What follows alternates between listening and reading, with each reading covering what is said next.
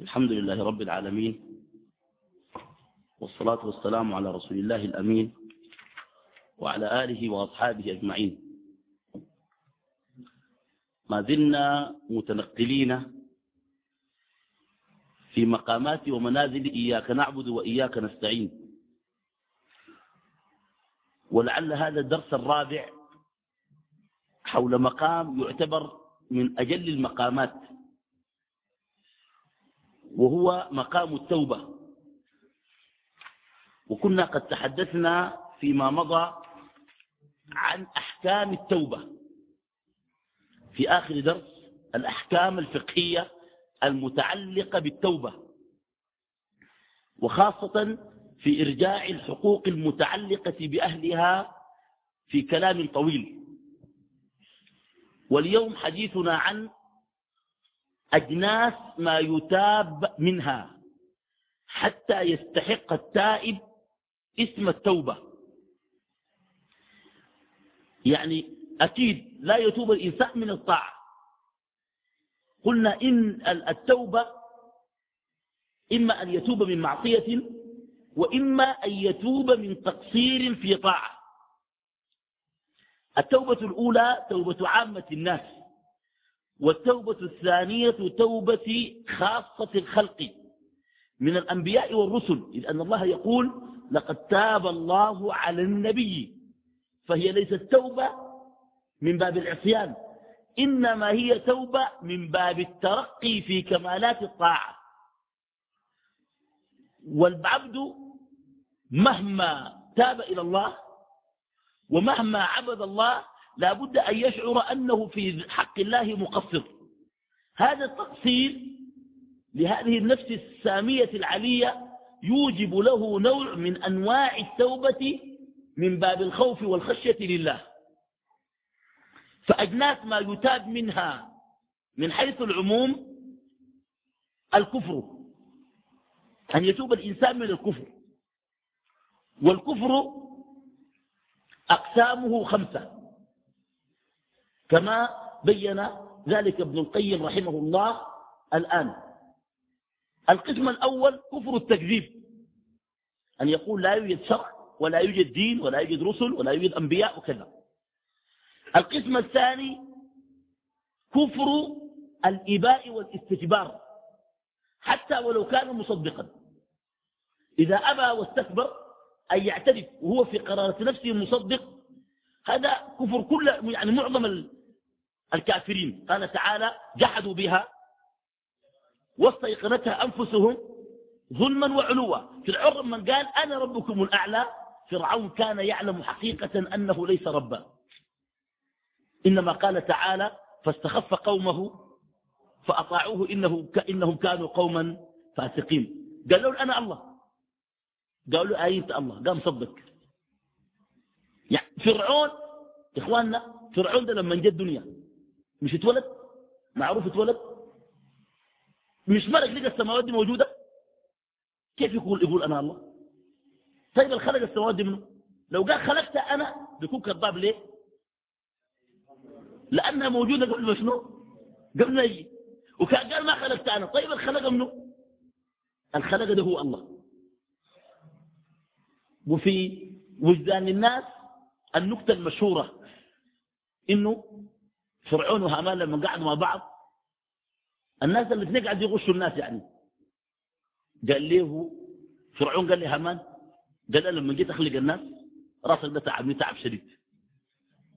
قال له شنو قال لي على هامان يا فرعون انت ما خلق لا, لا خلقت لا حاجة. عارف ما خلق. كويس؟ كويس؟ ف طيب إذا كان فرعون خلق الناس دي. أبو فرعون خلقوا منه. جد فرعون خلقوا منه. الناس اللي كانوا حيين قبل فرعون خلقوا منه.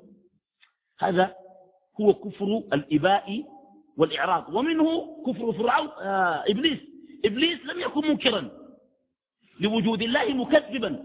إنما كان مستكبرا آه يعني متأبيا يعني أب يعني أبى قال تعالى إلا إبليس. أبى واستكبر بعد ذلك كان بشنو؟ من الكافرين. فلذلك هذا كفر الإباء والاستكبار. الكفر الثالث كفر الإعراض هو يختلف عن كفر الإباء والتكذيب أنه لا يتأبى ولكن لا يستمع ابتداء يعرض.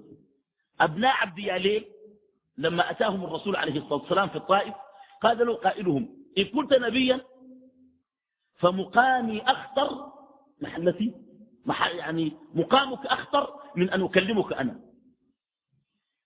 قلنا ابن عبد يالير قالوا للرسول عليه الصلاة والسلام إن كنت نبي فمقامك أخطر من أن يكلمك مثلي.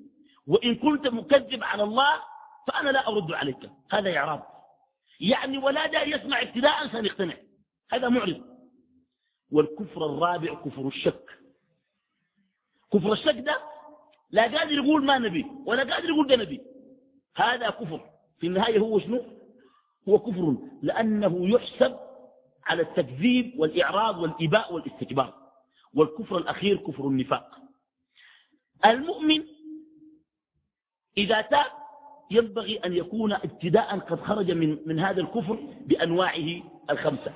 لكن ابن القيم أهم جزئية ناقشها وقد ملت إلى ما ناقش هو نقاشه لقوله تعالى ومن لم يحكم بما أنزل الله فأولئك هم الكافرون.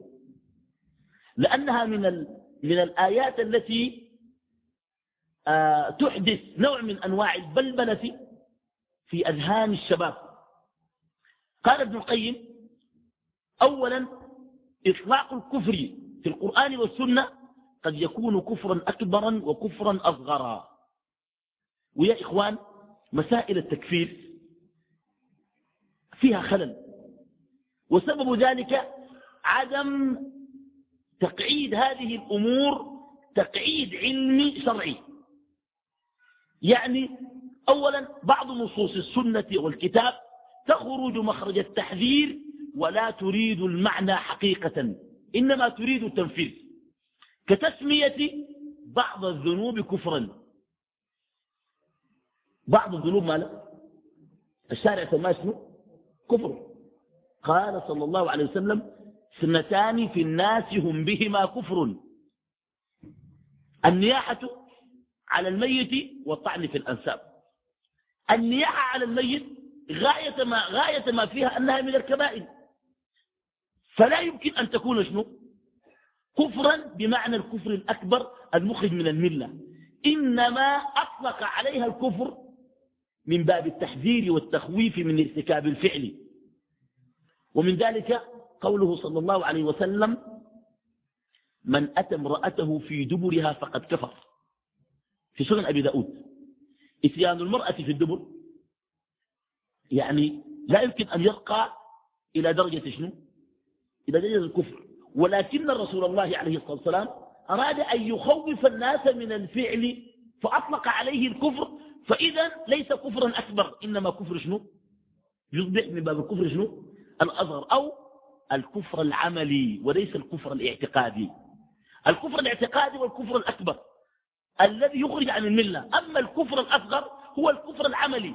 كل المعاصي يمكن أن تكون كفرا من باب من الأبواب ولكن ليست كفر من باب الاعتقاد. ومن ذلك مثلا آه، المعاصي أنها تكون من باب الكفر من باب قوله تعالى أفرأيت من اتخذ إلهه هواه أفأنت تكون عليه وكيلا. يعني العاصي يفضل هواه وكأنه عبد هواه. كقول عليه الصلاة والسلام تعيس عبد الدرهم تعيس عبد الدينار تعيس عبد الخميصة تعيس وانتكس. وإذا شيك فلن تقش. يعني شنو؟ زول جاري ورا الدنيا. لدرجة إنه كان دخلت شوكة في قراعه ما لاقي وقت يطلع الشوكة دي. هل في ناس زي دي؟ في وبيصلوا الصلوات الخمسة في الجامع؟ في ولا ما في؟ ممكن يكون جاري جاري شديد. هذا لا يمكن أن يقال أنه كافر وإن كان يقال تعيس عبد شنو؟ عبد الدرهم وعبد الدينار من باب الإقبال الشديد. وليس من باب العبادة التي هي عبادة الاعتقاد. طيب. هذه قاعدة.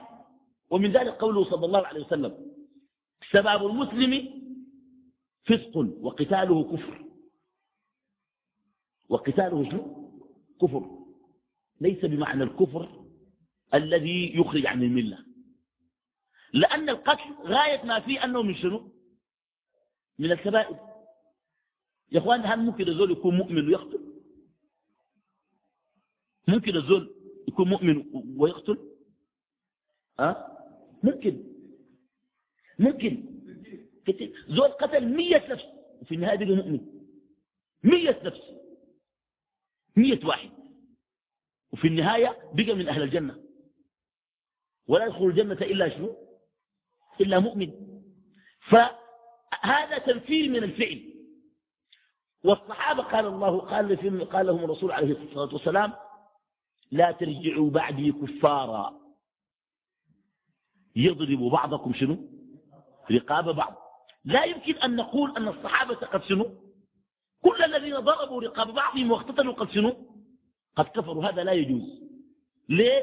قال النووي رحمه الله الصحابة استثناهم الشارع من الوعيد فعلي قال عنه رسول الله أنه من أهل الجنة. ولكنه لما قال لا ترجعوا بعد كفارا أراد أن ينفرهم من شنو؟ من الفعل. إلى الآن كل مسلمين اقتتلوا مع بعض في دارفور في أي محلة يعتبر هذا من الكفر عياذا بالله. وهو حتى ولو لم يكن كبيرة يعتبر أكبر من الكبيرة هو شنو؟ الكفر الأكبر والكفر الأصغر. الكفر الأصغر. يا إخوان الكفر الأصغر الناس لما يسمع كفر أصغر بيقول الله كويس الكفر الأصغر ده كويس معنا شديد. نحن الكفر الأصغر ده دايرينه. يا إخوان الكفر أصغر ليس بالنسبة للكبائر هو أشد من الكبائر. كفر أصغر بالنسبة للكفر الأكبر. يعني ترتيب الشرور الكفر الأكبر. الكفر الأصغر ثم بعد ذلك الكبائر. يعني الكفر الأصغر كالحلف بغير الله هذا كفر أصغر. من حلف بغير الله فقد شنو؟ فقد كفر. كفر شنو؟ أصغر. الرياء من الشرك الأصغر. كويس؟ لكن الرياء والحلف بغير الله أشد حرمة من الزنا وقتل النفس. الناس لما يسمعوا الأصغر دي بيقوموا شنو؟ بيقولوا والله دي حاجة تمام. يعني الأصغر دي بينفع معنا يا أخي الأصغر ده كعب الأصغر أسوأ من الكبائر من الربا وعقوق الوالدين وقتل النفس والتولي يوم الزحف. كله أب... كله الكفر الأصغر. لأنه في النهاية اسمه شنو؟ في النهاية هو شنو؟ كفر. أصغر ليس بالنسبة للكبائر أصغر بالنسبة لشنو؟ بالنسبة لمن هو شنو؟ لمن هو أكبر منه من يخرج من الملة ويقدح في الاعتقاد بالكلية. طيب. القاعدة الثانية. يا إخواننا فرق فرق بين الأفعال والأعيان في الكفر. فرق بين الأفعال وبين الأعيان في شنو؟ في الكفر. بمعنى قد يفعل الإنسان ما يكفره ولا يكفر. قد يفعل الإنسان ما يكفره وشنو؟ ولا يكفر. فيكون فعله كفرا لأنه بنص الشارع كفر ولكنه لا يكفر لعدم وجود إيقاع الحكم على المعين تحديدا. بمعنى نسمي الأفعال شنو؟ كفر. أي فعل من الأفعال؟ اللي, اللي, اللي, اللي سماه الشارع شنو؟ كفر. الحلف الحلف بغير الله. أي زول يحلف بغير الله كفر. هذا كفر أفعال. أي زول يحلف بغير الله شنو؟ كفر. هذا تكفير لمن؟ للأفعال. واحد حلف بغير الله قدامك لو قلت له يا كافر تكون أخطأت خطأ شنيع. شرعا تكون أخطأت. ليه؟ لأن هذا كفر معين. فرق بين الأعيان والأفعال. فالأفعال تكفر. تأدبا مع الشارع. ولكن الأعيان لا يكفرون. لوجود موانع تمنع أن يقع في الكفر. يا إخواننا الإنسان قد يكون جاهل قد يكون جاهلا. قد يكون جاهل وما عرف شيء الكفر. وقع فيه. انت تعلمه لكن ما تكسره وهذه قاعدة مهمة جدا. ليه؟ لأنه إذا وقع في الكفر بفعله لا يتحقق الكفر إلا بانتفاء الموانع وتحقق الشروط. وهذا يسمى الاقتضاء. يعني أن يقتضي الكفر أن يكون كافرا أن يتحقق الكفر فيه. لا يتحقق إلا بانتفاء خمس موانع. منها الإكراه. عمار بن ياسر اضطر إلى الكفر فكفر. أنزل الله عز وجل فيه قوله إلا من أكره وقلبه مطمئن بالإيمان. ولكن من شرح بالكفر صبرا.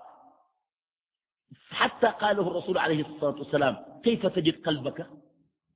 قال قلبي كما هو معك. قال إن عادوا إلى التعذيب فعود إلى الكفر. ثاني لو عذبوك ثاني أكفر. هذا يعني أنه لم يكن كافرا الكفر الذي يريده. وكثير من الناس الآن يقع في ممارسات شركية. يا إخوانا تقديس الشيوخ والأولياء والصالحين ومقامات وأضرحة كله من الشرك. ولكن من يفعله يفعله في الأغلب هو شنو؟ جاهل. فلذلك لا يكفر. سجد معاذ لرسول الله صلى الله عليه وسلم. الحكم في حكم الفعل ده شنو في الشريعة؟ حكمه في الشريعة شنو؟ كفر. السجود لغير الله شنو؟ كفر. ولكن معاذ لا يكفر. ليه لا يكفر؟ سأله رسول الله صلى الله عليه وسلم قال يا معاذ ما هذا؟ قال جئت من اليمن فوجدت القوم يسجدون لأساقفتهم وأنت أولى بالسجود منهم. قال يا معاذ لو كنت آمرا أحدا أن يسجد لأحد لأمرت الزوجة أن تسجد لزوجها من عظم حقه عليها غير أنه لا يكون إلا لله. إذا البدع في الكفر من المسلمين في دار الإسلام الأصل في الناس الموجودين شنو؟ الإسلام ولا الكفر؟ الإسلام. البدع فيهم في الكفر يعملوا شنو؟ يكفر ولا يعلم؟ مشكلة دي مشكلة الناس ما قال يعلمون. طوال عمل كفر يقولوا مشرك. يعلم يعلمه يقول ده شرك وده ما صحيح لكن ما يكفروا. يعني الناس الآن شنو؟ ما بعلموا. بس بمجرد عمل كده مشرك. خلاص انتهى الكلام. يصدر الأحكام. وهذا لا يجوز. قصة ثانية. رسول الله صلى الله عليه وسلم لما فرغ من حنين أو فتح مكة هو إلى حنين المشركين كان لهم كانت لهم شجرة. يعلقون أسلحتهم يتبركون بها. هذا شرك وكفر. ليه؟ التماس البركة من شنو؟ من غير الله. التماس البركة من شجر. وفي ناس لحد حتى بيلتمسوا البركة من الحاجات دي. وزمان كان بيشيلوا القلم بتاع الولد يودوه للشيخ يا يتوفيه يا يخطوه في التراب بتاع الهناية. ده معناه بينجح طوالي. بيمشي الامتحان القلم براه بيكتب. معقول يعني؟ يا خليه يذاكر. خليه يذاكر ربنا ويسأل الله ربنا بينجحه لكن امشوا يبركوا الحاجات دي. طلب البركة من غير الله شنو؟ شرك. بعض المسلمة الفتح قال اجعل لنا ذات أنواط كما لهم ذات أنواط. ما قال لو كفرتوا وخرجت من الملة وامشوا اغتسلوا تعالوا. قال والذي نفسي بيده قلتم كما قالت بنو إسرائيل لموسى اجعل لنا إلها كما لهم آلهة. لأنه اتخاذ شجرة للتبرك كأنما اتخذها إله. فهو يستمد منها مددا ويلتمس منها خيرا وكان ينبغي أن يكون اعتقاد قلبه مع الله جل جلاله. نعم؟ أيوه. قيل كده الكلام ده قال لهم ما تبركوا بشجر النور. الرسول. وقال لهم قبلوا الحجر الأسود منه. الرسول. ما, دين. الرسول قبل ولا ما قبل؟ الرسول قبل الحجر الأسود. ولما قبلوا وضع فمه عليه ففاضت عيناه غزيرة بالدموع. بكى بكى شديد. قبله. قال قبل الحجر قال لك ما يبرك بالشجر. تقول له ليه؟ هذا هذا كلام شنو؟ الجو الزمن هذا انت على شنو أنت؟ محل ما منع تتمنع. ومحل ما قبل حجر أسود تقبل. غير الحجر الأسود قبل؟ لا. أنت كمان في الدنيا غير حاجة أسود ما تقبل. كان مع الحجر الأسود في حاجة ثانية تعمل الحاجة الثانية دي. كان ما في معناه تجيك من الوقف منه. دي ما حجة ذات يا إخواننا عمر بن الخطاب رضي الله عنه وارضاه قطع شجرة الرضوان. قال حتى لا يأتي من بعدنا أقوام يقدسونها من دون الله. والله الشجرة دي كان كافي لحد يوم الليلة. كان الناس ماتوا بالزحمة والله. الظلم مين يقوم تقول له ماشي وين؟ يقول لك من جدة والشجرة. ومش هنا يوصوه يقول اسمع غشيت الشجرة ولا ما غشيتها؟ جيب لنا معك صفقة. قطعها وقال حتى لا يأتي من بعدنا أخوان يقدسونها نفس عمر ده جا قبل حجر أسود لكن قال شنو؟ إني أعلم أنك حجر لا تنفع ولا تضر. ولولا أني رأيت رسول الله يقبلك لما قبلتك. ده توحيد تجيب بالمناسبة لولا أني رأيت رسول الله صلى الله عليه وسلم يقبلك لما قبلتك. وأنت أفعل. افعل ما فعل من؟ ما فعل مسلم ممتنع عن ممتنع شنو؟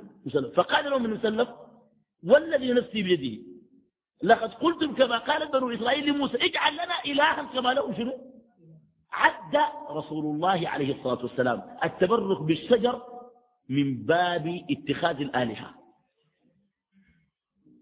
طيب لكن الأهم في المسألة أن الرسول صلى الله عليه وسلم لم لم يكفرهم إنما بين لهم.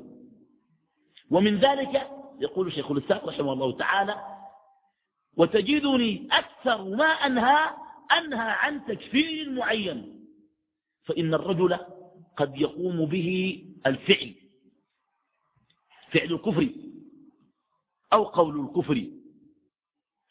ولكن لعدم إرادته الكفر أو لجهله أو لحسنات ماحية أو لخطأ غير مقصود فإن الله تبارك وتعالى لا يعتبره من الكفار. وأنت ممنوع أن تطلق عليه الكفر تعيينا. يعني ما تقول فلان الفلاني ده كافر وفلان الفلاني ده شنو؟ كافر. إلا من كان أصله الكفر. زي ناس شنو دي الكتار هو بوش برا؟ انت جون قرن معاهم ولا ما معاهم والله أنا خايف يجي زمن يقول لك اسمع أوعى تقول جون قرن من الكفار. هو غير من الكفار. لكن يجوز التعامل معهم وبوش ولا رأيكم شنو؟ ورامز فيل دي مش كفار دي طغاة الكفار. دي المجرمين الكفار. في الكفار في كفار مؤدبين. دي الصينيين دين لكن في كفار ما مؤدبين. ناس كولين باول وناس الأجل كلهم. كويس؟ وناس شعرون أعوذ بالله وكذا. ف أما الأصل من, من كان فيهم الأصل الإسلام شهد الشهادة. واستقبل القبلة. ثم وقع جهلا في بعض الأفعال التي هي تخل بالإيمان وتقدح في الاعتقاد. وقد تفضي إلى الكفر فلا يجوز تكفيرهم. انظر يقول شيخ وسام تيمية والحديث في البخاري في كتاب الأنبياء قص علينا رسول الله صلى الله عليه وسلم القصة. قال إنه كان في من كان قبلكم رجل. قال لأبنائه جمعهم إن أنا مت فحرقوني ودقوا عظمي وذروه للريح في البحر. البحر بيكون ريحة ماله؟ شديد عاصف. فلئن قدر الله علي ثم سدرت. قال وما أظنه يقذف ما بيقدر ولكن إن قدر الله علي ليعذبني عذابا لا يعذبه أحدا من العالمين. قال عليه الصلاة والسلام ففعل به أبناؤه ما وصى. فلما ذروه للريح؟ قال الله للريح اجمع فجمعته فمثل. بقي قدام الله. قال الله له ما الذي حملك على هذا؟ قال خوفي منك. قال قد غفرت لك وأدخلتك الجنة. يقول شيخ الإسلام رحمه الله هذا قال الكفر ودل على الكفر وشك في قدرة الله ولكنه لم يقع به الكفر في الآخرة. ذلك لأنه قام بقلبه ما يمنع من إيقاع الكفر به هو مانع الجهل والتأويل. شوف بالله يا إخواننا الزول ده. الزول ده ممكن إخواننا يكفر يكفر. يمرق بر المله لكن في النهاية شنو؟ وفي النهاية بعض الروايات قالت أنه كان نباشا. عشان كده قال, قال لأولاده أنا الله مكتوب علي كده عشان الله ما يلقاني شتتوا لي قال لهم. اتخيل إنه الله ما بيلقاه يا اخوانا الحديث ده حديث يعني عظيم. حديث عظيم جدا. نباش ده جعل شنو؟ أول ما زول شنو؟ بينبش قبره. بيطلع الكفن يشيله ويخليه. شايل أكفان الدنيا دي كلها. أنت باقي لك ده؟ والله ده مجرم يجرى الشريف ده. نباش. يا إخوان الزول يمشي لل... يا أخي بيسرق الأحياء الله يخليه يمشي يسرق الناس الميتين. عشان كده لما جاي قرب الموت قال له تعالوا اسمعوا أنا عملت عمل ثقيل. ما أظن الله يتوب علي عشان كده يعملوا لي كده وكده وكده وكده. يا إخواننا الذي يشك في البحث. حكمه شنو؟ كافر ولا ما كافر؟ كافر ولكن هذا لم يقع به الكفر. لوجود مانع شنو؟ مانع الجهل. جاهل. كويس؟ ولذلك انظر أخي الحبيب إطلاق الكفر ينبغي أن يتحرز فيه ولأن تخطئ في الإسلام أفضل من أن تخطئ في التكفير. يعني زول يكون جوا زول يكون يعني كفر ما تطلع من الكفر.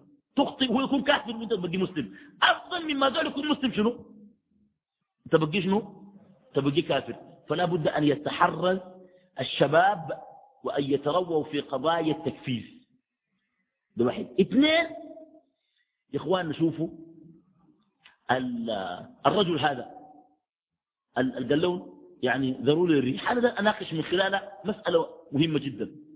كثير من الشباب من أجيالنا على حسب احتكاكي بهم في الجامعات كثير من الأجيال تعاني من داء ومرض الوسوسة.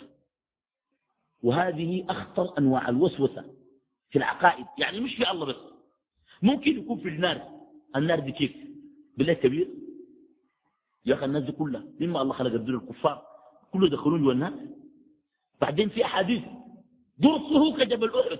الواحد جوا النار درسه كجبل أحد. كل كده الشيء ما بين منكبه إلى شحمة أذنه مسيرته ثلاثة أيام. يقول ثلاثة يوم؟ الشيء ده كتير خلص لكن النار دي قدر كيف؟ النار دي ذاتها وين؟ أول حاجة النار دي موجودة. الآن موجودة. والصيف الشديد نفس جهنم. إنت جهنم دي لما تتنفس؟ الصيف بيجي. النفس اللي إحنا فوقه ده الآن بتاع جهنم. بس اتنفست جهنم اتنفست الخش ده الله لا يوريني يوريك. ربنا ما يورينا. الصراط دسل على جهنم. أدق من الشعر وأحد من السيف. يمر عليه الأولون والآخرون. الزول يحك راسه يقول بالله الكلام ده حسا كيف يحصل. يا إخوان الوسوسة في هذا الباب خطيرة جدا. الشباب بيعاني من الوسوسة. وبعضهم يعاني من الوسوسة في العبادة. ما يسمى طبا بالوسواس شنو؟ القهري الوسواس القهري. وهو له علاج من الشرع. وقد يوجد له علاج في الطب لا يمنع فالباب فيه سعة طالما أنه حالة مرضية. قد يكون لاختلال في مواد وتركيبة الجسم. لكن الشيء المهم غالب الوسواس في سن معينة. ودي ملاحظة. الوسواس ده بيجي للشباب في سن شنو؟ معينة. حتى تلقى الشباب القارين في الجامعات دي حببت مؤمن إيمان قاطع أصله ما تأكل إنه في جنة وإنه في ناس صح ولا ما صح؟ لكن هو بتلقى ماله مضطرب مجهجه. الحل والعلاج بثلاثة أشياء أو في ثلاثة أمور. الأمر الأول في علاج الوسواس العلم والمعرفة. العلم والمعرفة. يا إخواننا شوفوا الوسواس بضايق الزول. مضايقة الوسواس لصاحبه مؤشر إيجابي وصحي. ليه؟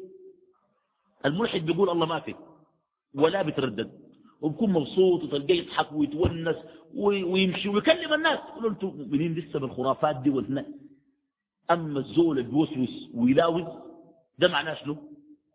لاوز ليه؟ معناها الوسواس أقلقه. أقلقه لأن في قلبه إيمان. فمعرفة المعرفة والعلم. يعني الصحابة قالوا يا رسول الله إن الشيطان يحدثنا في أنفسنا يوسوس يقول لك ما الذي خلق كذا؟ ما الذي خلق كذا؟ حتى يقول لهم وما الذي خلق ومن الذي خلق الله؟ وأين الله هو؟ وكيف هو؟ قال يا رسول الله إنه يحدثنا بأمر إنا نخشى أن نهلك إن تحدثنا به. لو كلمناه نحن نطلع بالردين ذات. قال أوجدتموه في صدوركم؟ قالوا بلى. قال ذاك صريح الإيمان. العلم بيذهب الوسواس ويطفئ ناره بمعرفة هذه النصوص. يعني هذا العلم ومعرفة هذه النصوص تذهب شنو؟ حدة الوسواس.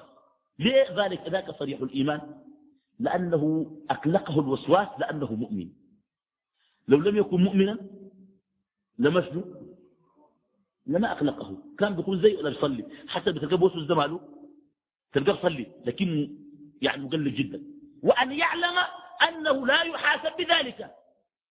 إن الله تجاوز عن أمتي ما حدثت به أنفسها ما لم تقل أو تفعل. قال أنس فما فرح أصحابه صلى الله عليه وسلم فرحهم, فرحهم بهذا الحديث كأنما أمثال الجبال قد أزيح عنه. كشف هم الصحابة. وهذا يأتي لكل البشر. ثم أخبر من وسلم عن العلاج. إن وجدتموه فقولوا اللهم أنت الأول والآخر والظاهر والباطن وأنت على كل شيء قدير. يا إخوانا في ناس الوسائل يقولون الزور كان مات بيحصل شنو والله كان مات بنزول في قبره. في قبره في شنو في نعيم وفي جحيم. وطيب وهاو كان بعثه بعثه والله في قيامة بجيف. وفي النهاية بيخش الجنة. يخش الجنة يعني في النهاية في شنو في الجنة. في خلود في الجنة. إنت تقول على نفسك ناس علمي انت حاسس لا تموت. في الدنيا ده تموت؟ ماذا تموت ليه لأنه مرتبط ببعض الأشياء. والحياة جميلة. خلاص. الحياة في الجنة أجمل ولا مقارنة. فلا موت. حتى إذا قال لك جنب. خاب نقول شنو؟ بتقول الملحي ذاته. والله أنا جنب بس كده. وده يقول نجنب لحد يوم القيامة. مجنب مالك في, في شنو؟ بتبقى شنو؟ يا إخواننا قول القائل الجنة بعد في شنو؟ يعني شنو؟ هذا قول متناقض. في قرار نفسي لأنه في الدنيا يود الخلود. طيب في الجنة ألا تود الخلود؟ يا أخي الجنة متعتها أنه لا نوم فيها. قال عليه الصلاة والسلام لأن النوم أخو الموت. فيدفع الوسواس بالعلم والمعرفة. ثانيا العلاج الثاني.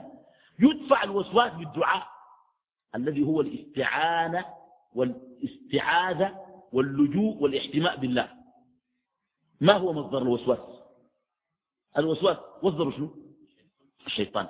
من, من شر الوسواس الخناس الذي يوسوس في صدور الناس من الجنة والناس. طيب الشيطان لا يوجد سبيل إلى دفعه إلا باللجوء إلى خالقه. ضرب ابن القيم في المدارج مثالا. قال الرجل يسير في طريق فاعترضه كلب فجعل يحمل الحجر ويرمي الكلب. قال بذلك لا يدفع الكلب إنما يهيجه. صح ولا ما صح؟ كان شال الحجر ورمى في الكلب الكلب بيعمل شنو؟ بيمشي شب الحجر. وبيجي تاني بصورة شنو؟ أترك من مكان. قال استعن بسيده. قل لسيد الكلب أمسك الكلب ده. لن يبذل سيد الكلب مع الكلب مجهودا. إنما هي كلمة واحدة لا يزيدها. هيقول شنو؟ بس جر. كلمة من, من حرفين بس. جر. ثاني الكلب بيعمل شنو؟ بزيدة. الشيطان كلب. والله ما من دابة إلا هو آخذ بناصيتها. استعن بالله وقل يا ربي الشيطان خلق من خلقك. أمسك الشيطان عني واصرفه. وهذا معنى أعوذ بالله أعوذ بالله أحتمي بالله من شنو؟ ما معنى الاستعادة الاستعادة اللجوء والاحتماء. كويس؟ ثالثا بعد ما تحتمي ماذا تفعل؟ ألا تلتفت إلى الوساوس وألا تشغلك. فلو أنها بلغت درجة شغلك حقق الشيطان ما يريد وهو تعطيل طاقاتك في الطاعة. الشيطان داير يتعبك. ما ما تطيع. بيجيك يقول لك ها الله ده كيف؟ هو ذاته بعد ما يقول لك الله كيف؟ يقول لك حقك راح انت كفرت خلاص. هو ذاته. انت بعد ده تمشي صلاة جماعة لكن وتشوف نفسك زي الكافر كافر. وكان صليت صلاتك ما مقبولة. وكان ذكرت تقول ذات عمل في شنو؟ أنا حتى في الإسلام ولا في الكفر. اختصر من جديد ولا؟ الشيطان ذاته جهجة جهجة شديدة. فأنت لا تسترسل مع أفكارك. ولا تلتفت. الشيطان قال لك الله شنو الجنة؟ زي الصلاه قول يا الله أنا داير الجنة. بس. في العبادة دي جاك قال لك صليت خمسة ولا أربعة ولا ثلاثة ولا إذا كان كثر وصار وسواسا كثيرا لا تلتفت. صل ما تعرف وعند الله مقبول. توضع ما تعرف وعند الله مقبول. يقول لك بعد ما يعملوا شو يا ربي عملت أنا خدتي ولا ما عملتها؟ مش عملت وشك؟ أوعك ترجع للنخرة شكيت. تمشي للدين طوالي. بعد ده كان ما عملت النخرة. عند الله عملت المضمضة والاستنشاق وصلاتك صحيحة. بهذه الصورة بهذه الصورة التي علمها النبي صلى الله عليه وسلم ماذا أراد النبي صلى الله عليه وسلم؟ أراد أن يعامل الشيطان بنقيض قصده ماذا يريد الشيطان؟ يريد التعطيل. وأراد النبي أن تسترسل في الطاعة وأن لا تلتفت إلى الشيطان. انتهى الكلام. وهذا علاج نبوي نافع جدا. طيب. قلنا الكفر إنزاله من الأشياء التي تمنع إنزال الكفر قد يكفر الإنسان عن طريق الخطأ وهو لا يقصد. بكلمة تخرج منه. كحديث مسلم الرجل الذي كان تائبا لما أخذ بخطام الناقة قال اللهم أنت عبدي وأنا ربك. هذه الكلمة شنو؟ في الشريعة شنو؟ زول قال يا الله. أنت عبدي وأنا لك الله. أعوذ بالله هذا كفر. لكن الحالة التي قال فيها الكلام تراعى. قال عليه الصلاة والسلام أخطأ من شدة الفرح. فالإنسان إذا كان في فرح شديد أو غضب شديد وصدر منه ما يوجب الكفر علينا ألا نسرع بشنو؟ بتكفيره. لكن كان قاعد رايق وقال اللهم أنت عبدي وأنا ربك. ده ماله؟ ده كافر كفر ما فيه شك. يعني ينبغي أن تراعى الحالة التي قال فيها قول شنو؟ قول الكفر. وقد لا يكفر لوجود حسنات ماحية. يا إخواننا إذا رجل الرسول عليه الصلاة والسلام قال يا إخواننا أنا ماشي المحل الفلاني للكفار المشركين. ما تزول يوريهم. لسه الخبر واحد جام كتب جواب للكفار. قال له هنا الرسول جايكم. حكم في الشريعة شنو؟ يا أيها الذين آمنوا لا تتخذوا عدوي وعدوكم أولياء. دي موالاة الكفار. تلقون إليهم بالمودة. وأنا أعلم بما بما شنو؟ بما أخفيتم وأعلنتم وما يفعله منكم فقد ضل سواء السبيل. يعني لا يجوز. كويس؟ فعل ذلك حاطب بن أبي بلتعة. صحابي رسل الكفار. لكن النبي صلى الله عليه وسلم يكفره ابتداء. حسناته الماحية جعلت النبي عليه الصلاة والسلام يسأل ما الذي استقر في قلب حاطب؟ أفعل هذا موالاة للمشركين وحبا لدينهم أن يظهروا أم بدافع الدنيا؟ قال حاطب والله يا رسول الله إن قلبي على الإيمان مقيم. وأنا رجل أبنائي وأهلي وعشي وأموالي في مكة. وأحببت أن تكون لي عندهم يد حتى لا يؤذوها. فقال صلى الله عليه وسلم لعل الله اطلع على أهل بدر. فقال اعملوا ما شئتم فإني قد غفرت لكم. بدر دي عجيبة شديد.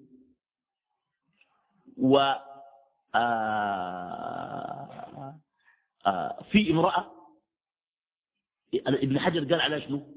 قال امرأة أدركت من الفضل ما فضلا لم تدركه امرأة مثلها ولم تشاركها فيه. في واحدة كويس وجدت من الفضل كويس فضل ما شاركتها امرأة معها. المرة دي آه اسمها عقيلة بنت عبيرة ابن ثعلبة. المرة دي ميزتها عند سبع أبناء شباب كلهم شهدوا بدر. سبعة من أبناء شهدوا بدر. دي أصل ما حصلت لزول يا أخي والله المرة دي نجير نجاة صليب خلاص. سبعة من أبناء شهدوا بدر. إذا كان سلم يقول لعل الله اطلع على أهل بدر فقال اعملوا شنو؟ ما شئتم وقال لا يدخل النار من شهد بدرا. أي زول حضر بدر؟ الناس ولا بيجي جنبها مش يخش النار وبعدين يخش الجنة. بيخش الجنة بدون ناس.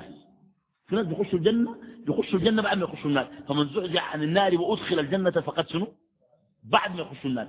لكن في المرة كويس؟ عقيلة دي بنت عبيرة ابن ثعلبة. أول حاجة تزوجت كان عند زوجها اسمه رفاع عبد الحارث. جابت منه ثلاثة. وتزوجت البكير ابن ياليل الليثي.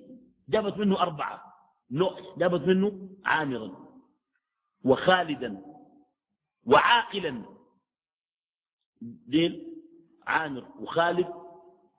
وعاقل والرابع يعني نسيته وثلاثة من ذاك وأربعة من ذاك السبعة أمهم أولاد السبعة دي يخشوا النار ويمشوا الجنة طوالي. في معاون إن شاء الله لأنهم يشفعون لها. أخوانا والله.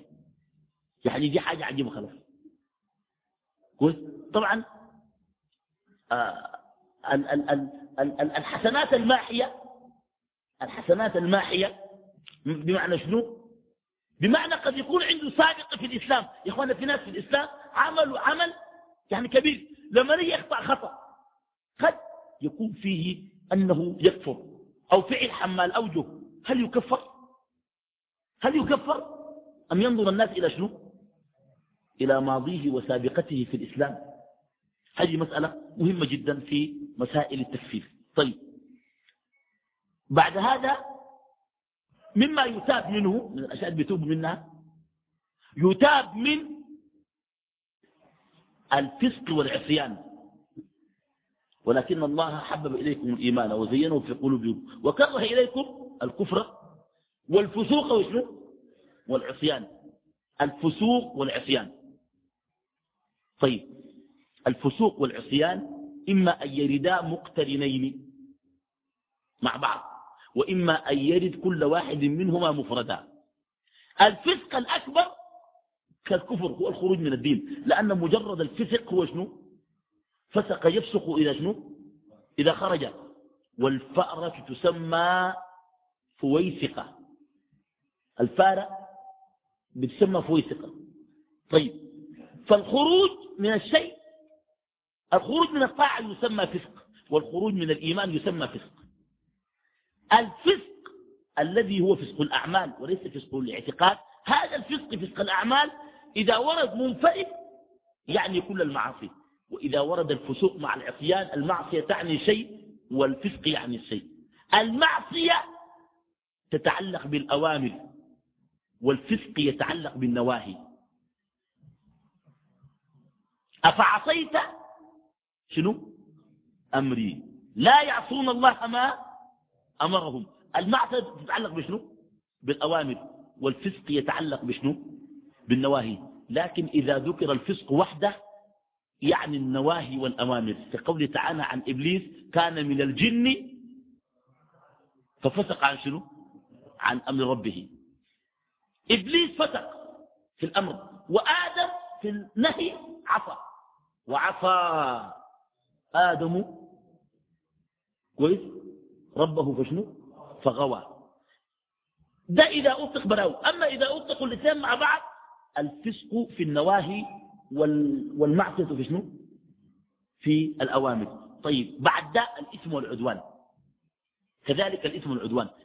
الإثم إذا أطلق لوحده يعني كل ما يخرج عن عن الطاعة. والعدوان كل ما يخرج عن الطاعة. لكن إذا اقترناه الإثم أخص بمحرم الجنس والعدوان أخص بمحرم المقدار. محرم الجنس يعني شنو؟ في أشياء كان شوي ولا كان كثير؟ حرام. الكذب الزنا السرقة. دي ما لا؟ إثم. دي تسمى شنو؟ إثم. لأنها محرمة في شنو؟ في جنسها العدوان بيكون ما تعلق بمجاوزة الحد. يعني شيء مشروع لكن قام تجاوزه. قال والذين هم لفروجهم حافظون. ربنا اداونا المساحة دي. إلا على أزواجهم. أو ما ملكت أيمانهم. فإنهم غير فمن ابتغى وراء ذلك فأولئك هم العادون. فالعدوان ممكن يكون يا إخواننا طبعا, طبعا يا إخوان العدوان في, في المقدار. يعني ربنا أباح للمضطر أن يأكل من شنو؟ من الميتة. لكن قال شنو؟ غير باغ ولا عاد. عاد أباح له يأكل من لحم الخنزير. البقيته قام أكل وقطع. لأن نشيل لنا في البيت كمان.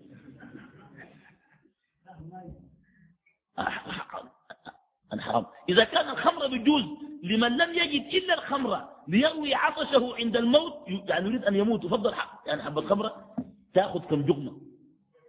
قدر الجثناي واحد يكرتع كلها. يقول الله ادانا الليلة. يقول, يقول أنا الليلة الله ادانا. هذا عدوان.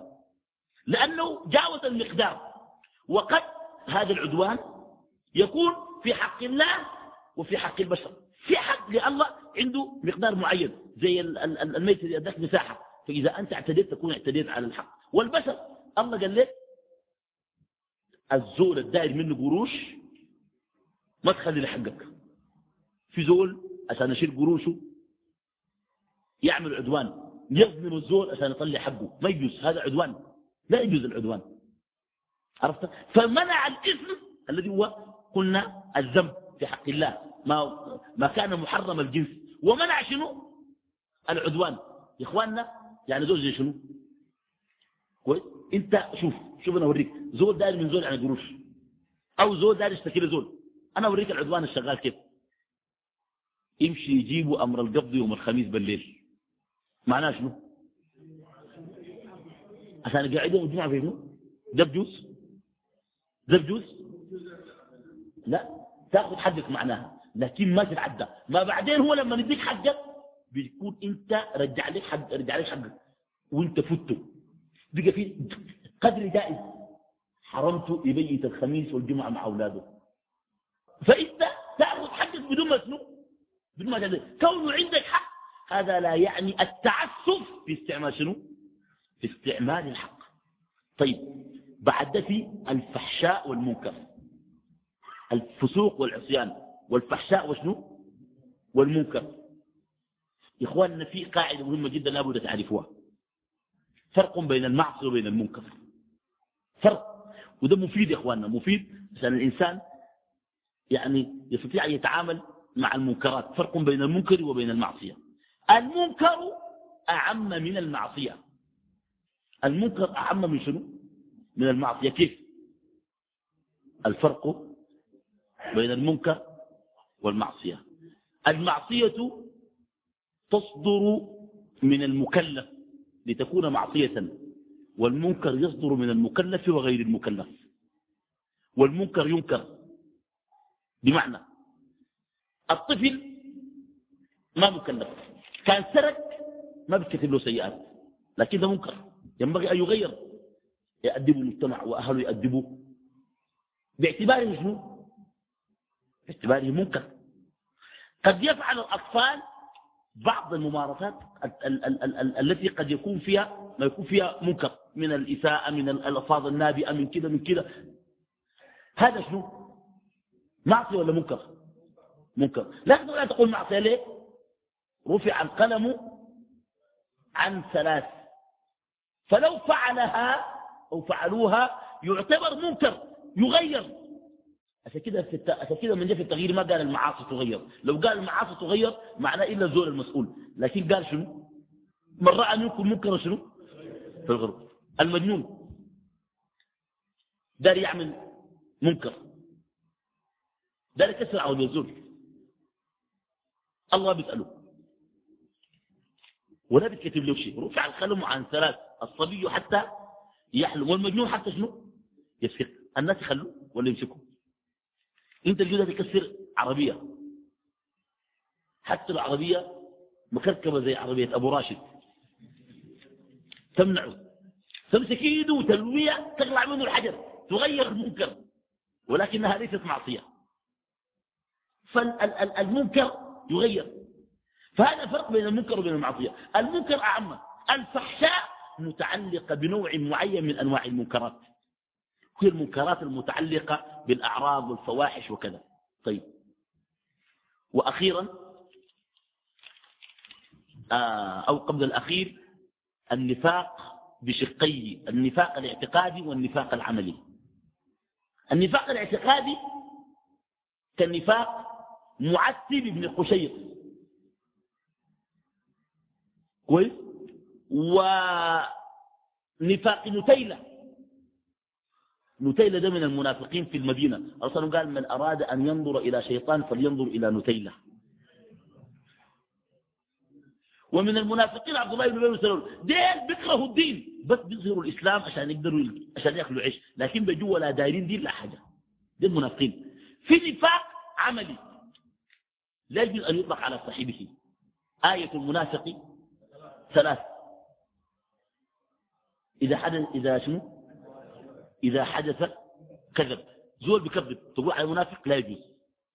فيه شعبة من النفاق. عمليا ارتكب ما يدل على النفاق ولكن لا يعتبر من المنافقين كعبد الله بن أبي بن سلول وغيرهم وغيرهم. ومعتب ونتيلة وأوس بن قيضي والأعمى ذاك اسمه لما مر نسلم على أرضه آه، أخذ التراب وقال لو أني أعلم محمدا لرميت التراب في وجهه فقالوا النبي صلى الله عليه وسلم أرادوا أن يضربوه دعوه فإنه أعمل أعمى البصر وأعمى البصيرة كويس ديل شنو؟ ديل منافقين. كويس أوس بن قيس ده هو قال إن بيوتنا عورة. وما هي شنو؟ وما هي بعورة يريدون إلا فرارا وهكذا. ثم أخيرا القول على الله بغير علم. وده شر المنكرات. بل كل المنكرات ما ارتكبت في الغالب إلا بالقول على الله بغير علم. طيب أجناس ما يتاب منها اثنا عشر جنسا. طيب بقي تفسير ومن لم يحكم بما أنزل الله فأولئك هم شنو؟ الكافرون. ابن القيم رحمه الله يقول اختلف أهل التفسير فيها. فمنهم من قال ومن لم يحكم بما أنزل الله فأولئك هم الكافرون تتعلق بأهل الكتاب ولا ترتبط بالمسلمين. وقال بذلك قتادة ابن دعامة السدوسي والضحاك بن سفيان. قال وقولهم مرجوح بعيد. وقال بعضهم ومن لم يحكم بما أنزل الله فأولئك هم الكافرون جحودا. قال وهذا بعيد. ليه؟ لأنه يكفر إذا جحد سوى حكم أو لم يحكم. لنفس الجحود شنو؟ يكفر. ولعل هذا تحدثنا عنه في الدرس شنو؟ السابق. يا إخوانا في زول جحد الصلاة. ولكن صلى. يكفر ولا ما يكفر؟ يكفر. إذا جحد الشيء حتى ولو حتى ولو لم ولو لم يفعله. يعني مثلا قال الزنا ده حلال لكن ما زنا كافر ولا ما كافر؟ يكفر. لمجرد شنو؟ لمجرد أنه جحد. طيب. قال أيضا فمن لم يحكم بما أنزل الله فأولئك هم الكافرون بأن يترك جميع ما أنزل الله. بما في ذلك الممارسات والتفاصيل ودقائق الدين. فإذا تركها كلها يعتبر كافر. وقال بهذا عبد العزيز الكناني وقال ابن القيم وهذا أيضا تأويل بعيد. وقال البغوي ناقلا ذلك عن عموم العلماء في قوله ومن لم يحكم بما أنزل الله فأولئك هم شنو؟ من تعمد مخالفة النص الشرعي فحكم بغير ما أنزل الله من غير جهل ولا خطأ في التأويل. وهذا سكت عليه ابن القيم ولم يضعفه. ونقل هذا البغوي عن عموم شنو؟ العلماء. وقال ابن القيم ومنهم من قال ومن لم يحكم بما أنزل الله فأولئك هم الكافرون لمجرد أنه حكم بغير ما أنزل الله الآية على ظاهرها يكفر كفرا أكبر يخرج من الملة. قال ابن القيم والصواب أن الحكم بغير ما أنزل الله يتناول الكفر الأكبر والكفر الأصغر.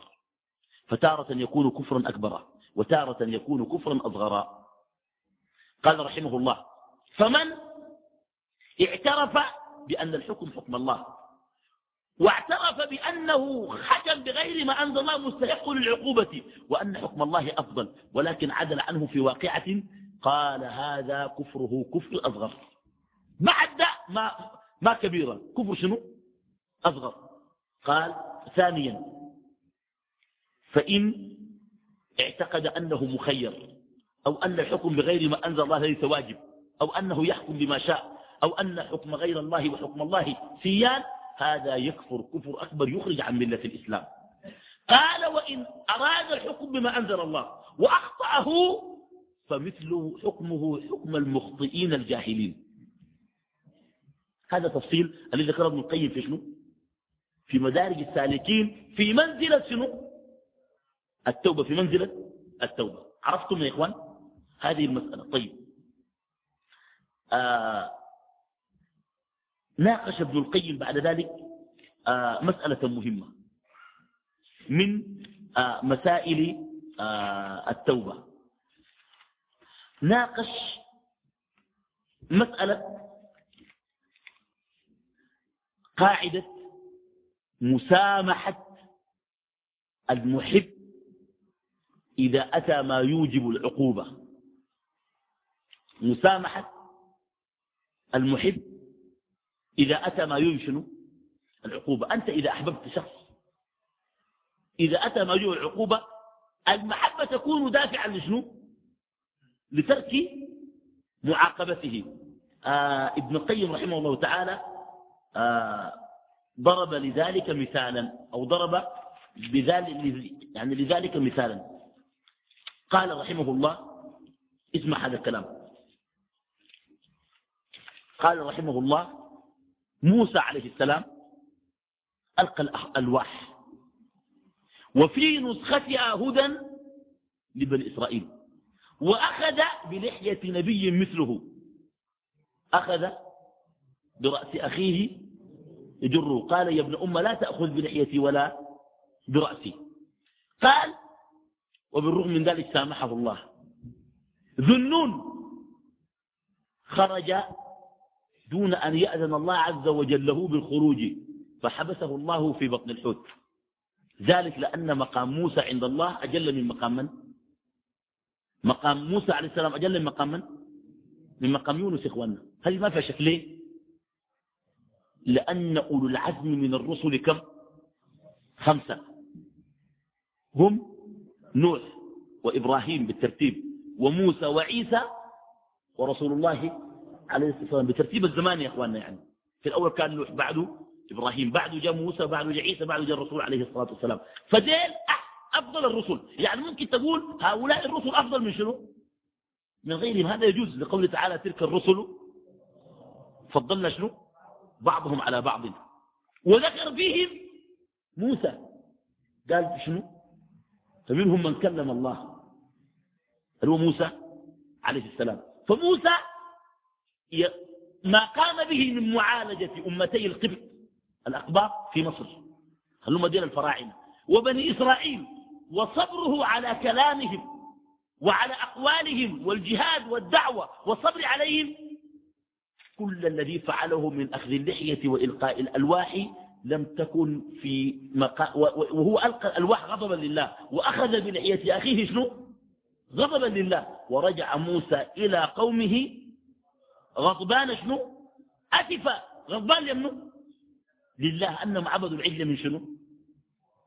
من من بعد موسى عبدوا العجل من دون الله. هذه جعلت لموسى مرتبة. ابن القيم يقول بيقول القاعدة شنو؟ وإذا الحبيب أتى بذنب واحد جاءت محاسنه بألف شفيع. ودي قاعدة حق تتعامل بها مع الناس. زول حبيبك وطوالي معك غلط غلطة واحدة انت شنو؟ تتذكر له طيب أنا اذكر لكم بالالفاظ الدارجية يعني. ولا ولا ما حتقبلوها مني. ها؟ أه؟ طيب. ما تحكها معه. نزل هناك يا أخي زول انت بتعرف عنه كل خير. مرة واحدة غلط. تكره ذاته إنه غلط. كويس؟ فده يا إخوان يدل على عدم العقل. قال وإذا الحبيب أتى بذنب واحد جاءت محاسنه بشنو بألف شفيع محاسنه تشفع له. وده في التعامل بين الناس ما في. كويس ممكن تبدأ دول أخوك عشرين سنة يخسرك في شنو في دقيقة. ما بقول والله نتذكر الزمان والزول ده عنده معي مواقف وعنده معي كده. يخسر في ثواني كويس وقام ضرب ابن القيم مثال. قال يقول تعالى يوم القيامة للعلماء. بيجيب العلماء يوم القيامة. يقوم يقولون شنو؟ يقول الله عز وجل للعلماء يوم القيامة والله يا أخي الزول بيبقى عالم ده مكانته عظيمة خلاص في الدين. والله العظيم نسأل الله إنه يعني يعلمنا ما جهلنا ويذكرنا ما أنسينا. يقول الله عز وجل للعلماء إني كنت أعبد بفتواكم في الأرض. كنت أعبد بشنو الواحد دار يعمل حاجة يقوم بيجي العالم. العالم بيقول اعمل بيعمل يقول له شنو؟ ما تعمل ما بيعمل. إني كنت أعبد بفتواكم في الأرض وأنتم تخلطون كما يخلط الناس. جبتوا معاصي عملتوا معاصي زي ما الناس بيعملوا.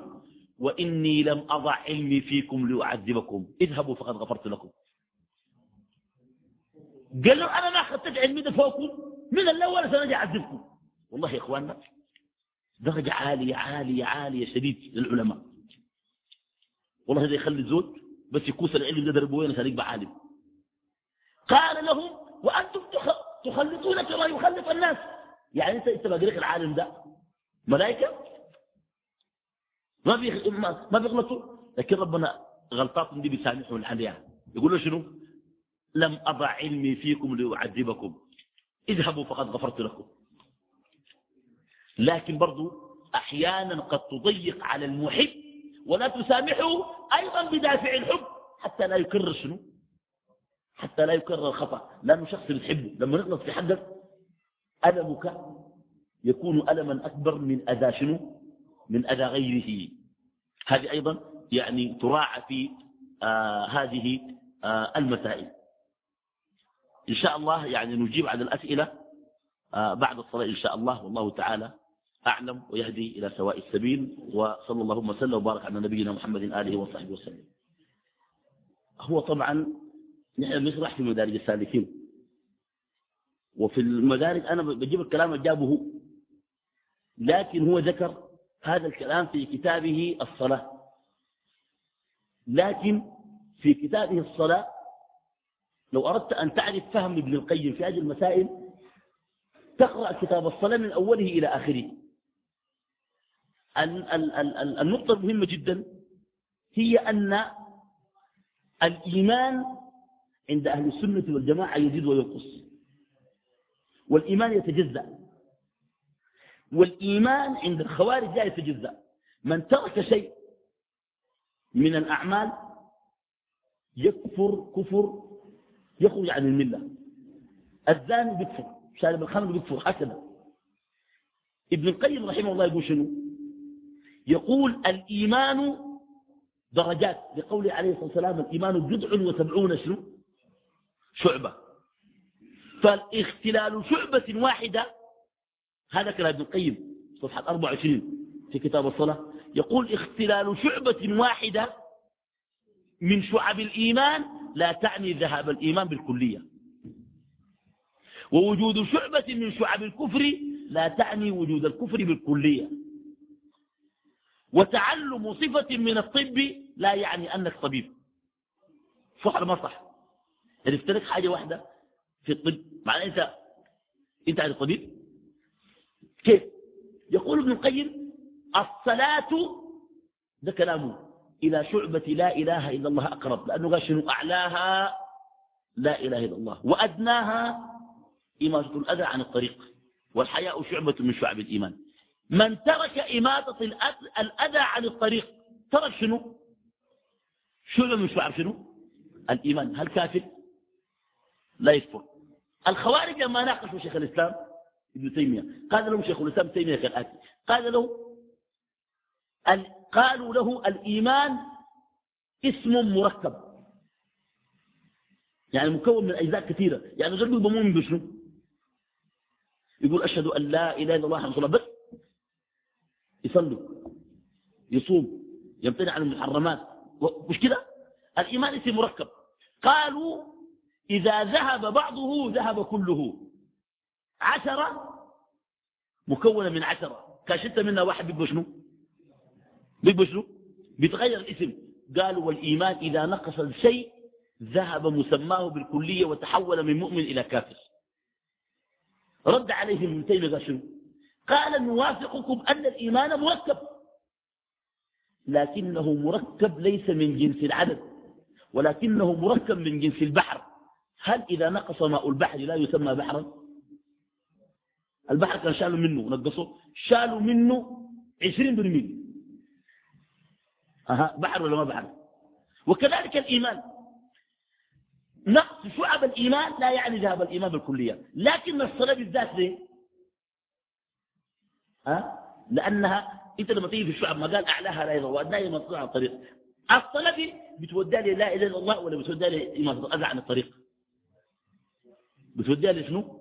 لا إله إلا الله. فمن ترك الصلاة أقرب إلى أن ينطق تنتقض لا إله إلا الله عنده.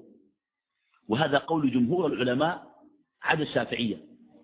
الشافعية تارك الصلاة عندهم عندهم فيه تفصيل. أما الجمهور تارك الصلاة يكفر كفر يخرج من الملة. دليل ذلك كان أصحاب النبي عليه الصلاة والسلام قالوا الشقيق بن عبد الله البلخي لا يرون شيء من الأعمال تركه كفر شنو؟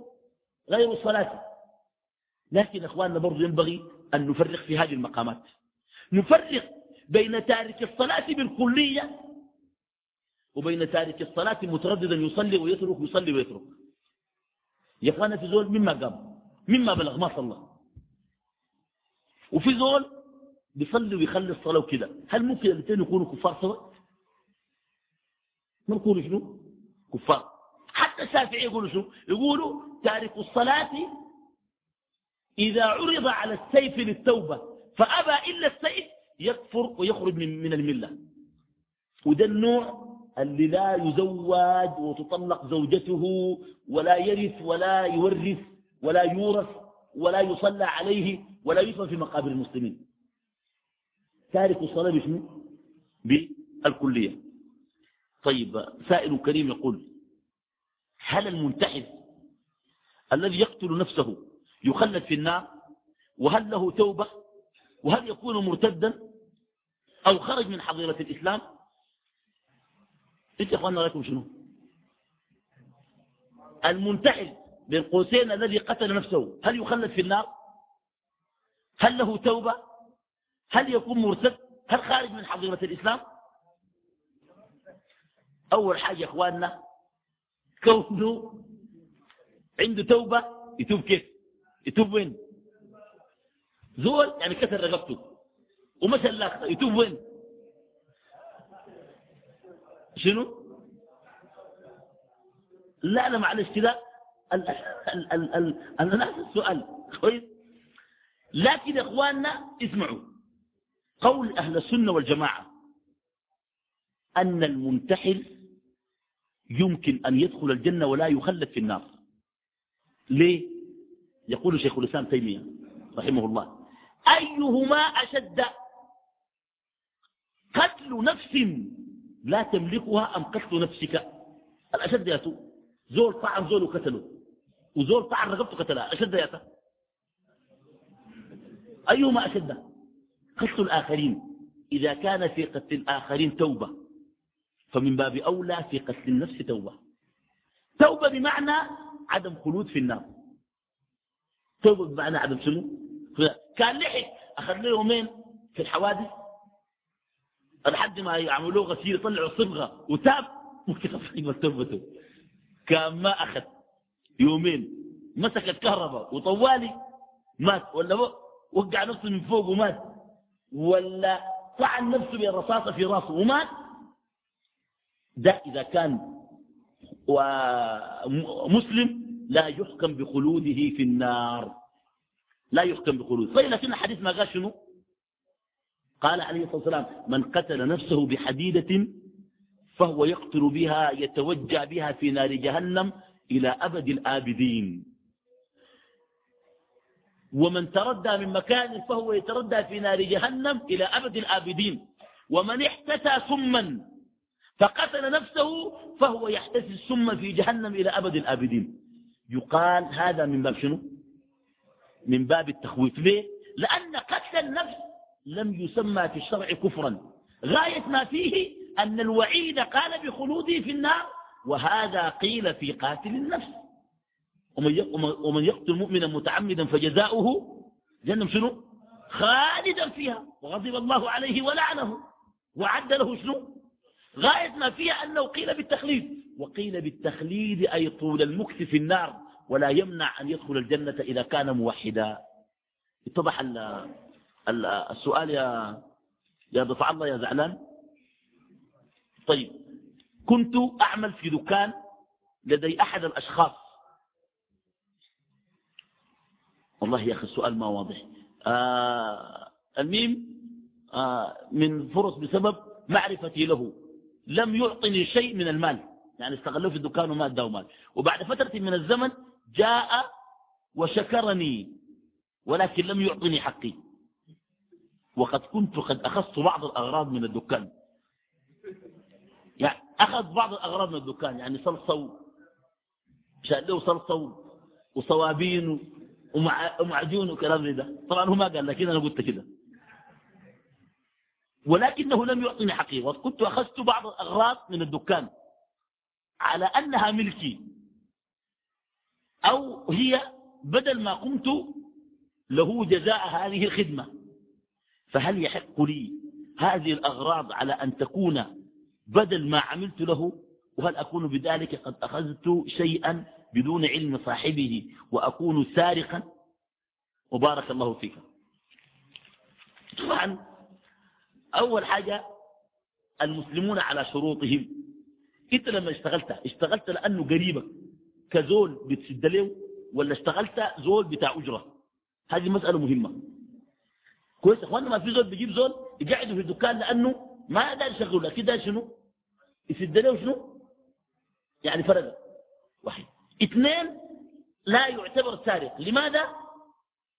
لأن السرقة شرعا تعريفها أخذ مال بغير وجه حق وإخراجه من حرز يكون شيء محرز يعني محاط كده بغير تأويل ولا شبهة. أزود له تأويل قائل إنه شنو شنو؟ حقه. ودي النقطة الثالثة. شرعا لا يجوز لك أن تأخذ شيء وتقول ده بدل حقك تأخذ تعطي الرجل حقه. في الأول يعني. وتطالب بحقك. ودي سوء بالنسبة السؤال ده. يعني السؤال يعني قديم. قال لي طيب أنا لم يزول حاجة. ولقيت حاجة من حاجات هامدة. أشيلها أقول له وامشي أبيعها في السوق. كان زادت. برجع لك حقك ومشي حقي قال أحسن وأساء. يعتبر كان حقه. شرعا يعتبر يعني رد حقه. ما بيعتبر آه عنده إثم. ولكن إثمه في أنه أخذ بغير شنو؟ بغير إذنه إذ أن الواجب شرعا. أنت مش داير من الزور تقول لا أنا داير منك؟ تديني حقي. تنتظر لحد ما يديك. لكن إذا شلت هل الحاجات اللي شلتها هذه أكثر من حقك ولا أقل ولا هي حقك بالضبط؟ تقيمها إذا جيت حقك بالضبط خلاص ثاني ما تمشي طالب الزول وتستغفر من تعدك على شنو؟ على حقي. لأنه المفروض يديك حقه بشنو؟ من طيب نفس وأنت أخذت بغير طيب نفس إذا أقل تقول له خلاص يا أخي فالدين الباقي. وإذا أكثر ترجع له شنو؟ ترجع البقية ده, ده هو الشيء الشرعي. وأهم شيء الآن أن تستعفيه. تقول يا أخي ست حاجاتي. شغل اللي اشتغلت معك ده أنا الأجرة تحتي المفروض تكون كده على حسب اتفاقنا. كما في اتفاق الناس شغالين في البقالات حولنا شغالين بكده. بالمثل. وتبدأ بعد ذلك تقول خلاص يا شيخنا أنا كده أنا ش... لا كده أبدا تخبره. تقول أنا شلتها والكلام يعتبره شنو؟ يعتبره آه منتهي طيب. آه ترجيح ابن القيم في مسألة الحكم بغير ما أنزل الله هل يقصد أن الحاكم يحكم بالشريعة؟ ولكنه في قضية معينة ومسألة معينة خالف الشرع حكم بغير ما أنزل الله. نعم هذا هو بتحديدي وقولي في الواقعة المعينة. طيب أي بمعنى آخر؟ هل كلام ابن القيم يتناول من يشرع القوانين الوضعية ودستوره غير إسلامي؟ هذا لا يتناوله لأن هذا حكمه يختلف. حكم هذا يختلف لأنه مجرد إقامة القوانين الوضعية والدعوة لهذه المسألة هي ضرب من ضروب الحكم بغير ما أنزل الله في قضية كبرى وليس في قضية شنو؟ صغرى. آه ذكرت فضل العلماء. فما فضل العلم الدنيوي. وهذا يجتهد فيه يجتهد فيه ولكن لا يتناوله الحديث. لأن الحديث واضح. قال إني كنت أعبد بشنو؟ بشنو؟ بفتواكم يا إخوانا ده معناه بيقصد منه بيقصد العلماء الذين بيقولوا للناس شنو؟ طريقة العبادة. ستر المصلي. يعني هو قال سترة المصلي. هل هو واجب أم مستحب؟ القول الراجح من أقوال أهل العلم أنه واجب. الستر يا إخواننا ما يضعه المصلي بين يديه إذا صلى. أن تكون يعني أعلى من شنو؟ أن تكون أعلى من من شبر والراجح أيضا أن تكون أعلى من الذراع. عرفت؟ وأن تكون على بعد ممرشات من رأسه. ذلك أن النبي صلى الله عليه وسلم فعلها في السفر وفي الحضر. ففي السفر ففي الحضر كان يصلي إلى الجدار. ما كان أصلا يصلي براوكد إلا يصلي إلى الجدار. مش الناس لا يقطع صلاته حتى الشيطان لا يقطع عليه صلاته. وفي السفر كان يأتي بالعنزة. العنزة الحربة. وأحيانا يصلي إلى الراحلة. يجيب الناقة يوقفها يخدها ويصلي إليها. وأحيانا على الراحلة السرج خد السرج وأحيانا إلى مؤخرة الدابة.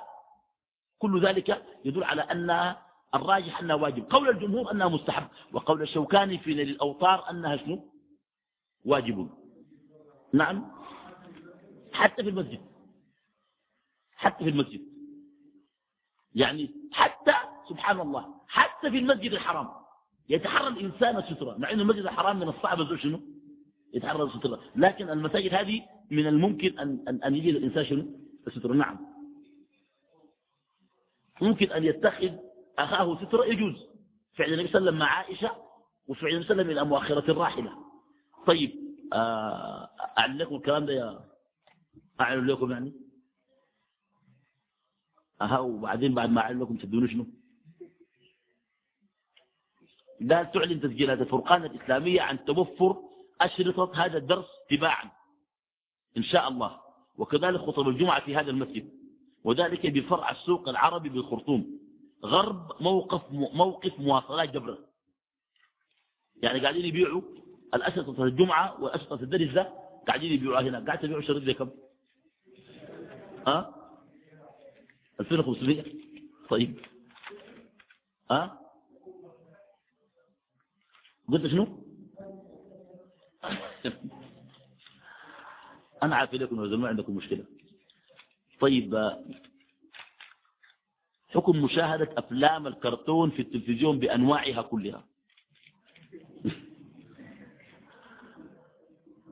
والله الذي يبدو لي يعني أن أفلام الكرتون يمكن أن تدخل في الرسوم المستثناة وإن كانت ذوات أرواح لأنها رسوم أو يمكن أن تلحق بلعب الأطفال التي أجاز الشارع إياها لأنها ليست معمولة بدقة تضاهي الخلق.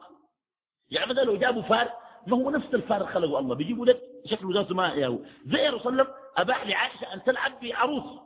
عاملة عروس لكن العروس اللي بيعملوه كيف؟ بيكون عاملينه عين واحدة هنا وعين واحدة هنا. والخصم بيجاي. يعني معناها الغرض إنه الشافعة تشيله ويقول أنا عندي شنو؟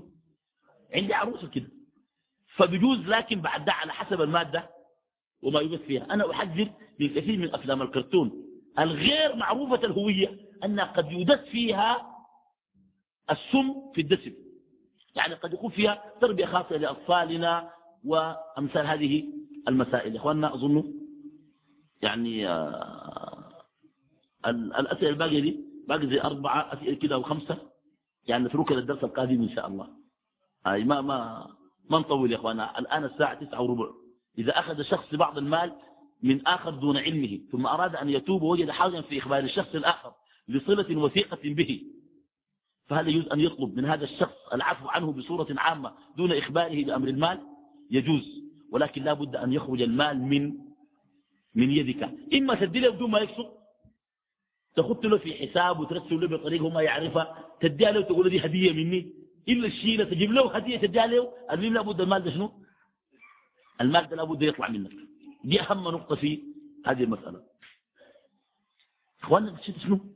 إذا كنت أتعامل مع صاحب البقالة بالدين وكان لا يسجل قيمة هذه السلع إلا عند الدفع الذي يتم بعد شهر تقريبا. ومن المحتمل أن أن يكون أن هذه السلع قد تكون على ثمنها على الثمن الذي اشتريت به السلعة يعني هل يعتبر هذا ربا؟ لا يعتبر هذا ربا. لأنه غير مقصود ولم يتعامل فيه بالدين.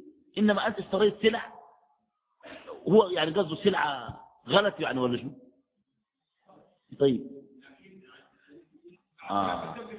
واضح. سعر بيوم السداد بيوم السداد يعني باعتبار أن السلع شنو؟ زائدة. هذا لا يخلو من ربا. لا يخلو من شبهة ربا. ليه؟ لأن في النهاية قال نقد ونقد وبينهما سلعة وحريرة. فما يعني لا يخلو من شبهة ربا. لكن لا نستطيع أن نقول أن هذا ربا واضح. لا نستطيع أن نقول هذا شنو؟ يمكن أن يلحق بالتورق بغير بغيره من الأبواب الشبيهة بشنو؟ بالربا. ولكن لا يمكن أن يقال شنو؟ ربا. يعني الزول آه بيجي يشتري منك السلعة لكن بيقول لك والله سجل الليلة بيكتب كوباية. الكوباية لما تجي بتقول لها كم؟ بيقول لك بشنو؟ بسعر شنو؟ تسدد ذي بسعر شنو؟ بسعر اليوم. هذا معاملة فيها شبهة الربا. ليه؟ لعدم وضوح المعاملة من البداية. يقول لك أنا بديك السلعة دي بأجل. مش در الدر بكام مختلف. بديك السلعة دي بأجل. ترجع علي بعدين الكوباية دي بسعر يكون محدد السعر هو. مش يخلي السعر لحد ما يزيد. كده؟ في اشكال يعني مثلا يقول لك الكوباية دي الآن تشيلها مني بجنيه. ترى الآن تدفع جنيه. ما تدفع جنيه. شيلها مني حترجع لي بعد كم؟ بعد شهر. بعد شهر بجنيه ونص. من الأول تحدد مع ذلك ما في إشكال. عرفت؟ كده يعني بتكون المعاملة آه، أصوب وأحلى. هل ينطبق حديث حاقد رضي الله عنه على كل من أعان المشركين على المسلمين خوفا عن نفسه أو دنياه؟ وما هو السبب المانع؟ السبب المانع أمران استقرار الإيمان في قلبه وأنه لم يفعل هذا كفرا وقد سأله رسول الله صراحة عن ذلك كما ورد في الحديث. والثاني الحسنات الماحية. فناقش آه، أهل العلم ومنه ابن تيمية مسألة هل من أعان مشركا بالخوف على نفسه يدخل في حديث حاطب؟ قال نعم يدخل في حديث حاطب. لأن الله عز وجل لما قال عن موالاتهم قال إلا أن تتقوا منهم شنو؟ تقاتل. فقد فقد يخشى الإنسان على على على نفسه. طيب. طيب أفلا نكفر من وقع في الكفر أمامنا عيانا وفعل كفرا ظاهرا؟ أفلا نكفره حتى بعد إقامة الحجة عليه؟ طيب ما ما هو شنو؟ نحن نتكلم عن تعليمه. نتكلم عن شنو؟ عن تعليمه. تعليمه ده شنو؟ إقامة الحجة شنو؟ عليه. إذا أقيمت عليه الحجة أولا من الذي يقيم الحجة؟ أي ذو يقيم الحجة؟ أسمع ده كفر. لما كفر. الله قال كذا والرسول قال كذا. أنت كافر. خلاص أي ذو بيقيم الحجة. طيب ابن حزم قال في كم فترة تقام الحجة؟ الحجة ده كم يوم. الحجة على حسب العالم الذي يقيمها. بحيث أن يجلي كل الشبهات التي في الموضوع فلا يستطيع أن يتكلم بعد ذلك بشيء. هنا أقيمت الحجة. لأن ربنا قال لبني إسرائيل شنو في آخر المائدة؟ بنو إسرائيل شكوا. هل يستطيع ربك أن ينزل علينا مائدة من السماء؟ قالوا الله ما بيقدر. ربنا قال شنو؟ فإني منزلها. فمن يكفر بعده بعد شنو؟ بعد ما مع ان من الأول هم كفروا. لكن الله قال لهم بنزل لكم وبعد البشوك أنا بكف أنا أظن يكفر. فمن يكفر بعد منكم فإني أعذبه عذابا لا أعذبه أحدا من العالمين. فيا اخواننا أرجو أن لا تسأل ان لا تعجل في إقامة الحجة. أقم الحجة نعم. وبعد بعد إقامة الحجة يكفر الإنسان المعين. هذا معتقد أهل السنة والجماعة. يعني بعد ما تقيم الحجة يكفر المعين. ولكن يا إخوان أحيانا كما قال الشوكاني يمنع من إقامة الحجة أن الذي تقيم عليه الحجة له رأي فيك. أنت بتقيم على الحجة. هو ذاته شايفك أنت شنو؟ بينك وبينه حواجز. كيف تقيم عليه الحجة؟ هل الحجة مجرد الإبلاغ؟ هل الحجة مجرد الإبلاغ؟ ليس مجرد الإبلاغ. ليه؟ للفظين إقامة. إقامة دي معناها ما مجرد إبلاغ. إقامة دي يقول لك أقيموا الصلاة. معناها شنو؟ أداء وفعل. والحجة نفسها ليس مجرد بلاغ الحجة معناها شنو؟ الوضوح. تركتكم على شنو؟ على المحجة. الوضوح يعني بين له وضح. وليكن دافعك أن تنقذه وليس أن تهلكه بأنك تقول زود خلاص أنا أقمت على الحجة وزود خلاص ما نافع كفر هذه برضه نقطة شنو؟ مهمة في هذه المسألة.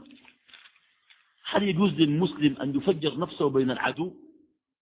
أولا يا إخوان آه التفجيرات بين الأعداء في دار الحرب. حكمها يختلف عن دار الإسلام. إخواننا في ديار ديار المسلمين. زي السودان ده. حتى أقول ناس جوغايا نرجو وظهر فساد كثير جدا. هل يجوز الشباب يعملوا تفجيرات؟ ما يجوز يا إخوان. لأنه ديار الإسلام الأصل فيها الإسلام. فإصابة المسلم وقتله وارد. والجهاد في دار الإسلام يحتاج إلى إمام. قال عليه الصلاة والسلام الإمام حديث البخاري قال عليه الصلاة والسلام الإمام يتقى به. يقاتل من ورائه. مع أن الدعوة دعوة الإسلام لا تسير وتنتشر إلا في ظل المجتمعات الآمنة والمستقرة. ولن يتضرر إلا الإسلام. أما البلد المحتلة كالعراق وكفلسطين وفيها كفار نازلين ومحتلينهم والدار دار حرب يجوز التفجير تفجير المسلم نفسه بشروط. الشرط الأول كما ذكر القرطبي أن لا يكون هنالك من سبيل للوصول إليهم إلا بهذه الطريقة. بمعنى هم ممكن يطبوا ويقتلوا من بعيد. يمشي فجر نفسه. الأصل في الحرب أن يموت الكافر وأن تسلم شنو؟ وأن يسلم شنو؟ المؤمن. لأنه ما يحتاج له فإن لم يكن هنالك سبيل لتضييقهم إلا أن يفجر نفسه جاز. اثنين أن يكون هذا أنكى في العدو. لأن إحداث النكاية في العدو من باب هز المعنويات ومن باب تخويف وإضعافه مطلب ومقصد شرعي. كويس؟ ثالثا أن تترجح مصالحه على المفاسد لأنه من باب الوسائل وكذا. طيب الأدلة أقوى الأدلة أدلة الأحناف اللي هي الاستحسان. قالوا أصلا الكليات التي جاءت الشريعة لحفظها كم؟ خمسة. الخمسة مرتبة على حسب الأهمية الدين والنفس والمال والعقل وشنو؟ والعرض. قالوا تقديم الدين على النفس يعني أنه يمكن أن تزهق النفس في سبيل الدين. يمكن أن تزهق النفس في سبيل شنو؟ في سبيل الدين. فبالإستحسان بجوز. وبقصة الغلام الذي مع الملك بجوز. لأن الملك الغلام قال للملك ولست قاتلي حتى تجمع الناس على صعيد واحد. وتأخذ سهما من كنانتي. وتقول بسم الله رب الغلام وترميني في صبغي. ففعل الملك وجمع الناس فقتل الغلام وآمن الناس. فجاز قتل النفس بس فقط تصبح القضية في المباشرة. إنه ما باشر شنو؟ قتل النفس. ولكن جاز قتل النفس تحققا من أجل مصلحة راجحة وهي إسلام الناس أو تخويف الكفار أو أو وإلى غير ذلك. والمسألة مسألة اجتهادية والله تعالى أعلم. والسلام عليكم ورحمة الله وبركاته.